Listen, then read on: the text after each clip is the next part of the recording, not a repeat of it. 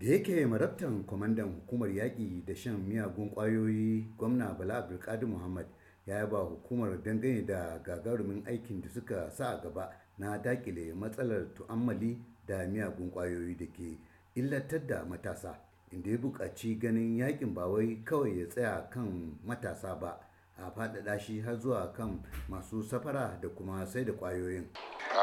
mun musu godiya bisa hubbasa da ƙoƙari da suke yi cewa suna yaƙi da gaske da masu amfani da miyagun ƙwayoyi da sauransu wanda yake kawo taɓarɓaran tsaro da kuma tarbiyyar yaran musamman ma matasa a cikin garin bauchi da sauran wurare. Nan garin muna da 'yan sara suka ajar muna da 'yan boda misau muna da irinsu to ba kawai masu shaɗin ba ne su yaran da suka ɓangare su kansu masu wato dillalan wannan miyagun ƙwayoyi na gargaɗe su cewa lallai su kama su.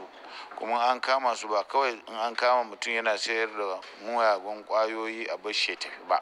Kuma ai amfani da kafofin labarai a dinga ana gargaɗi wa mutane kuma haɗa kai da sarakuna da shugabanninmu na addinai. Gargaɗi wa mutane su san cewa ƙwaya fa shine mummunan ciwo da mutum zai sa wa kansa. Na shi yasa ma da ɗaga takunkumin ɗaukan aiki a jihar bauchi don a sama matasa aiki. Kuma kwanan nan ban ga an kira ni an ce a ƙona wanda aka kakkama ba. Shi yasa na ce to ni fa so a kira ni ba a karɓa kuma wayansu je su diba su sayar ba.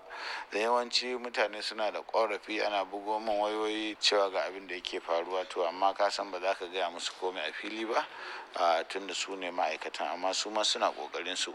Idan ba an fito an nuna ga kayan da aka ƙwace a wajen su dillalan miyagun ƙwayoyi da kuma sauran abun sheka da sauransu ba to sai mutane su ɗauka kamar an sake ɗaukan sa an yi amfani da shi ne. Tun da farko kwamandan hukumar ndla na shira bauchi malam ali aminu ya jaddada wa gwamna samun dukkan goyon bayan hukumar don tabbatar da an tsarkake jihar Bauchi daga wannan musifa na amfani da miyagun ƙwayoyi. By virtue of my position as the NDLA State Commander Bauchi, I can say with confidence that the level of drugs used in the state is very high and the consequences are also very high. This call for concerted efforts by all to protect our loved ones.